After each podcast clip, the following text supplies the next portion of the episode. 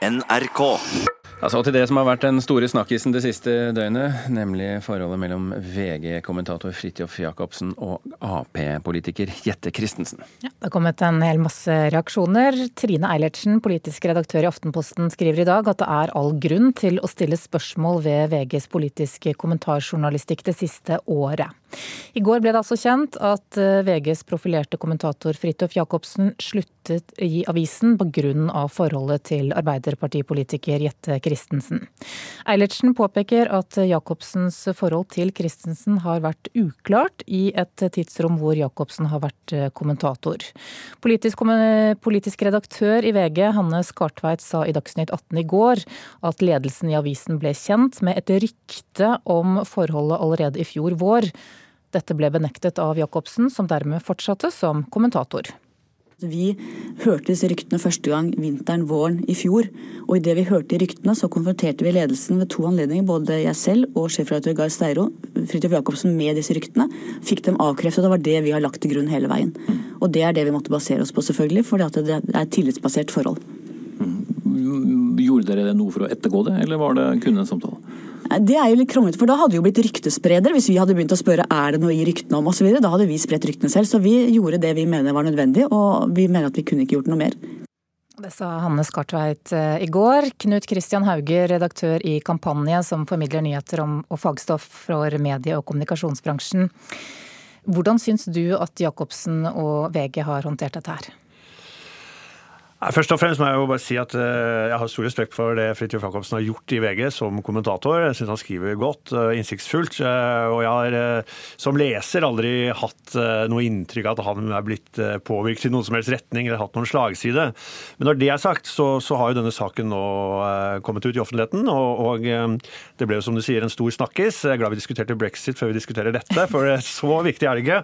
Men det er jo viktig for en mediebransje som har har utfordringer når det gjelder spesielt tillit. Eh, man opererer i en tid hvor man utfordres som mediebransje, både fra presidenter og, og, sosiale medier og falske nyheter. Eh, og mediebransjen har sådan ikke råd til å tape et fnugg av tillit i disse dager. Og tillit er et viktig spørsmål her, fordi leserne må jo være trygge på at kommentatorene i, i VG ikke har noen skjulte bindinger eller relasjoner med politikere. VG kan ikke ha kommentatorer som er sammen med sentrale politikere på Stortinget. Så til de spørsmålene om hvordan VG og Jacobsen har håndtert dette. Jeg syns de har håndtert det litt klønete. Ja, Hvordan da? Jo, først og fremst så virker det som om VG og Jacobsen her ikke har vært helt enige om eh, hva som skal fortelles, eh, hvor det skal fortelles, og, og, og når det skal fortelles. Eh, Jacobsen gikk jo selv ut eh, for et par dager siden med på mange måter halve historien. Eh, og så kommer dagens, eller gårsdagen så kommer VG-redaktør Gard Steiro ut med, med, en kommentar som, som tar opp dette kjærlighetsforholdet i tillegg. Det ble jo ikke nevnt dag én. Så her virker det som man ikke har vært helt enig og helt samstemt i hvordan dette her skal kommuniseres ut. Ja, Hvordan burde det vært gjort, da, mener du? Nei, altså PR-messig så sier man jo litt sånn at uh, hvis man først skal gå ut med en sånn type sak, så bør man jo gå ut med hele historien med en gang. Eh, slik at man ikke får eh, oppfølgingssaker og skaper grobunn for spekulasjoner. Eh, og nå er jo spekulasjonene på mange måter i gang. Det kommenteres i alle store medier om når dette forholdet startet. Når burde, burde Jacobsen ha informert ledelsen i VG tidligere? Han kan ikke informere noe tidligere enn da forholdet startet, for å si det sånn. Han sier jo at, eh, at han informerte idet forholdet startet. Det kan du godt si. Og, men dette er jo to personer som har kjent hverandre i en eh, årrekke. Det er to voksne mennesker, det er komplisert, det er følelser, det er kjærlighet. Når ting oppstår, ikke oppstår, er jo vanskelig. Og det er jo ikke sånn at to mennesker setter seg ned første nyttårsdag og utreder om de skal bli sammen. Eh, her har man jo hatt, en, hatt kjent hverandre lenge, og det er klart det, det skaper grunnlag for spekulasjoner. og og sjefredaktøren i VG sier jo selv at øh, det, det, er spørsmål, det er legitime spørsmål å stille om dette har påvirket Jacobsens kommentarer. Så Vi hadde jo en tilsvarende sak her før jul. Da en DN-journalist, politisk journalist i DN, Kristian Skar, ble sammen med nestlederen i Arbeiderpartiet, Tajik, Og eh, Den saken eh, fikk jo ikke disse dimensjonene, så, så, her kan det jo være at Skar kanskje leste terrenget litt bedre i forhold til når han skulle informere ledelsen sin. Men Er det sånn at VGs tillit er blitt svekket av denne hendelsen? Det er eh, vanskelig å konkludere på et sånt spørsmål. Men som jeg sa innledningsvis, medieindustrien er under press. Vi er helt avhengig av at det er en tillit mellom oss som, som mediehus og, og, og, leserne. Og på en tid hvor både presidenter og sosiale medier og, og, falske nyheter, alternative medier, utfordrer sannheten på mange måter, eh, så har vi ikke råd til å tape så mye som et fnugg av den tilliten. Eh, mediebransjen, selv om vi liker å tro det selv, nyter jo ikke noe sånn kjempestor tillit ute i, i befolkningen. Eh, den er helt OK. Eh, men, eh, men, i disse tider så, så, så, er den under press, og da blir denne type saker veldig alvorlig. Og, og kommentaren til Gard Steiro i går eh, sier jo at dette er alvorlig nok. Han sier at lesekontrakten er brutt. Og det er jo en ganske sterk formulering som på mange måter tyder på at VG-ledelsen kanskje mener at dette burde vært informert om tidligere. Knut Kristian Hauger, du blir med oss eh, litt eh, videre. Vi kan jo ta med at eh, Fridtjof Jacobsen og Jette Christensen har sagt at de ikke ønsker å kommentere saken utover det intervjuet som de ga til Medier24 i går.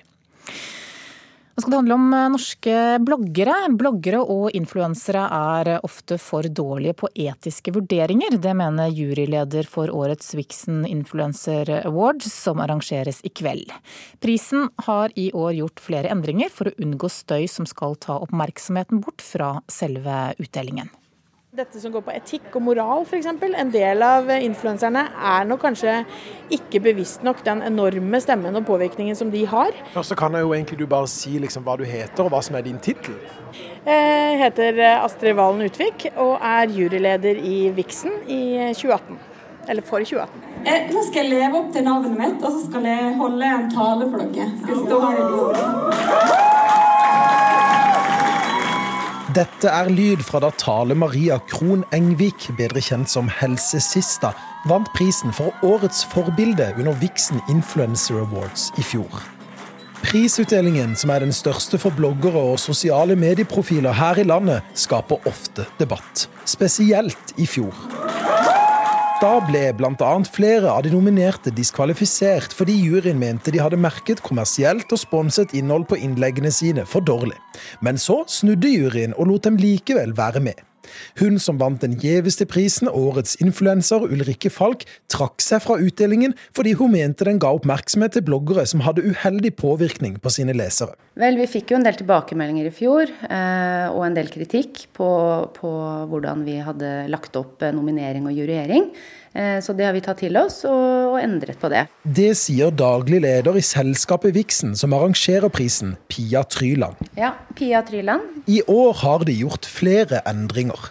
Stemmesystemet er annerledes, hele juryen er byttet ut, og juryen har brukt mye tid på å sørge for at alle de nominerte har fulgt de retningslinjene de skal, bl.a. når det gjelder merking av kommersielt innhold. Vi har sett at de aller fleste, bl.a. med hensyn på merking, nå er ganske opptatt av å merke det kommersielle budskapet, som var en av de tingene som ble ganske mye brudulje for i fjor. Men influenserne, eller påvirkerne som det heter på norsk, har fortsatt en vei å gå når det gjelder det etiske, sier juryleder. Vi ser det nå aktuelt nå med eh, flere store influensere som har vært i Dubai bl.a. Eh, på eh, Norwegian sin regning. Eh, hvor de kanskje burde gått en liten runde og tenkt om dette er noe etisk og moral som de har lyst til å stå for. Eh, og det er klart at du kan, eh, Noen går også ut og sier at de skal, jeg vil ikke være rollemodell, eller jeg vil ikke forholde meg til det.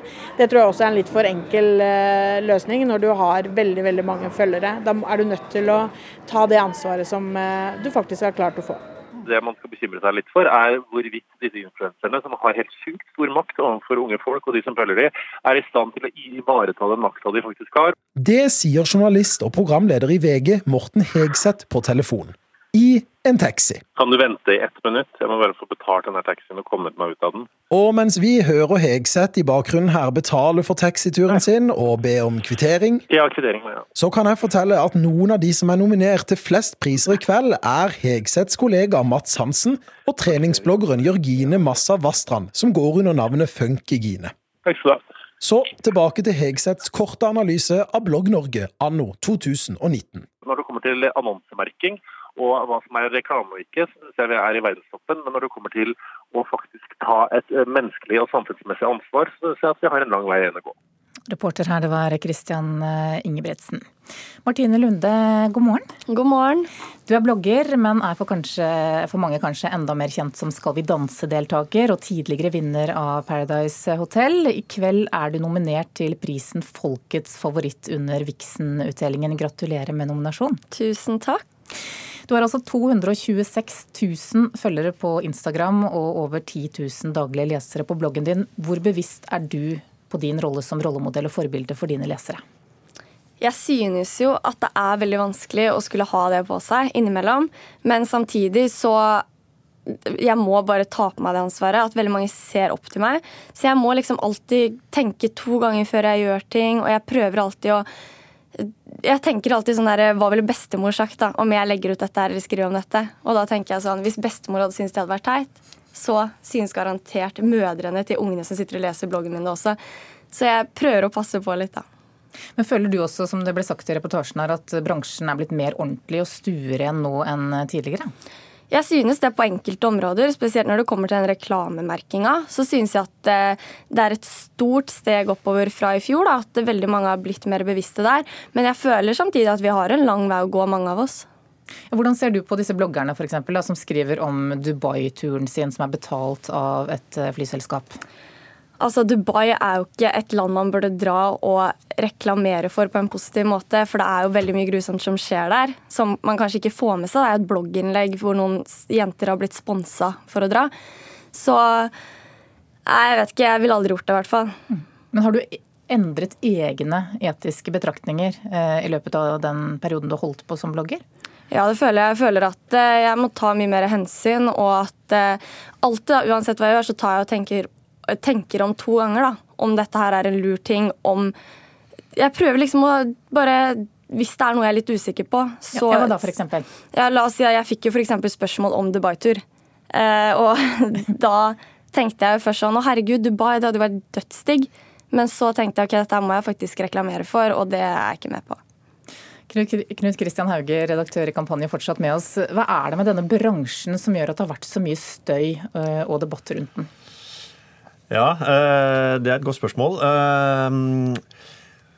Det er jo en fortsatt ganske ung bransje. Det er jo ikke mange år siden vi knapt skrev om disse bloggerne, men de har jo kommet med en voldsom styrke de siste årene. Og mange av de er jo blitt medieyndlinger. Så mediene tror jeg må ta litt av skylden selv. Jeg tror de er veldig glad i bloggkriger og krangel og, og, og uh, søte jenter som gjør dumme ting. Altså, det skaper jo store saker, uh, og, og, det gir jo sikkert masse klikk til, til, nettavisene, så jeg tror de elsker dette stoffet. Uh, men det har jo en alvorlig side her også, og det går jo på at man må jo følge lover og regler, som vi hørte her, både i forhold til annonsemerking, merking av innlegg, slik at leserne, ikke slik at leserne er klar over hvorvidt det er reklame eller ikke. Og så har man jo nå den siste tiden fått en, en debatt også om etikk og moral, og, og da er det jo flott å høre at, at bloggerne er blitt mer bevisste på det. Og Martine sier her hun lurer på hva bestemoren ville, hvordan hun ville tatt det. Og det er jo et moralsk kompass som, som, som de må ta, ta på alvor. For det er klart, her har det vært mye markedsføring av plastisk kirurgi, skjønnhetsoperasjoner, og nå også denne turen til, til Dubai. Og det er klart, det, det, bør man jo kanskje gå en runde, eh, runde med seg selv på, hvorvidt man vil stå for det og reklamere for det. Men så syns jeg det er litt snodig også, da, at disse bloggerne eh, plutselig får eh, nærmest et sånn journalistisk oppdrag om å avdekke masse skyggesider eh, i Dubai. Altså, Hvem var det som ga bloggerne det oppdraget? Altså, Tross alt, de er bloggere, de er ikke journalister. Og, og, og hvis ikke influensere kan ligge på en strand og sole seg, altså hvem kan gjøre det da? Så, så det, er jo, det, er jo, et spørsmål jeg syns er legitimt å stille. Ja, Hva syns du om det, Martine?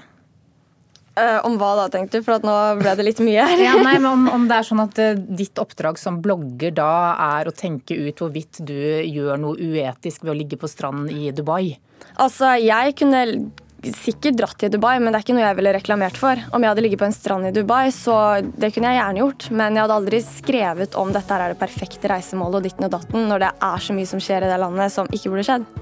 Martine Lunde, Knut Kristian Hauger, takk for at dere kom til Nyhetsmorgen.